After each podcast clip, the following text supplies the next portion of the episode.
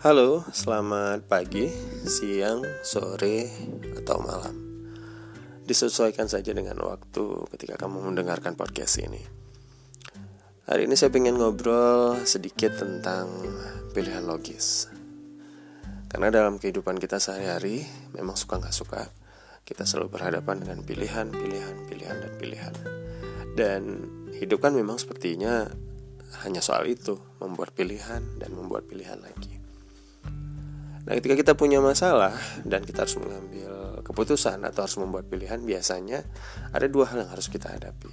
Satu, ketika terlalu banyak saran. Terlalu banyak saran yang diberikan oleh orang-orang di sekitar kita, oleh teman-teman kita yang um, anggap saja karena kepedulian mereka kepada kita, karena dukungan mereka kepada kita.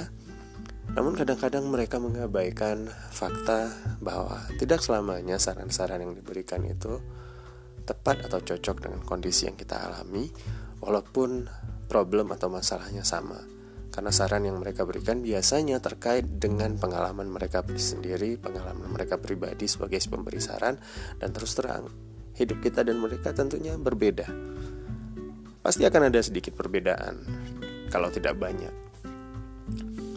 Nah, masalah lainnya atau kondisi lainnya adalah ketika justru tidak ada saran sama sekali yang kita terima kita harus menghadapi semuanya sendirian. Saya jadi teringat ketika itu yang terjadi, kedua hal itu terjadi, saya jadi teringat bahwa ada pendapat yang disampaikan oleh para motivator atau para pemikir yang mengatakan kalau kamu punya masalah, yang pertama kali harus kamu lakukan, kenali dulu apa masalahnya, pahami dulu apa masalahnya. Karena menemukan apa masalah berarti menemukan setengah dari jawaban. Dan pada saat itu kita bisa membuat sebuah pilihan.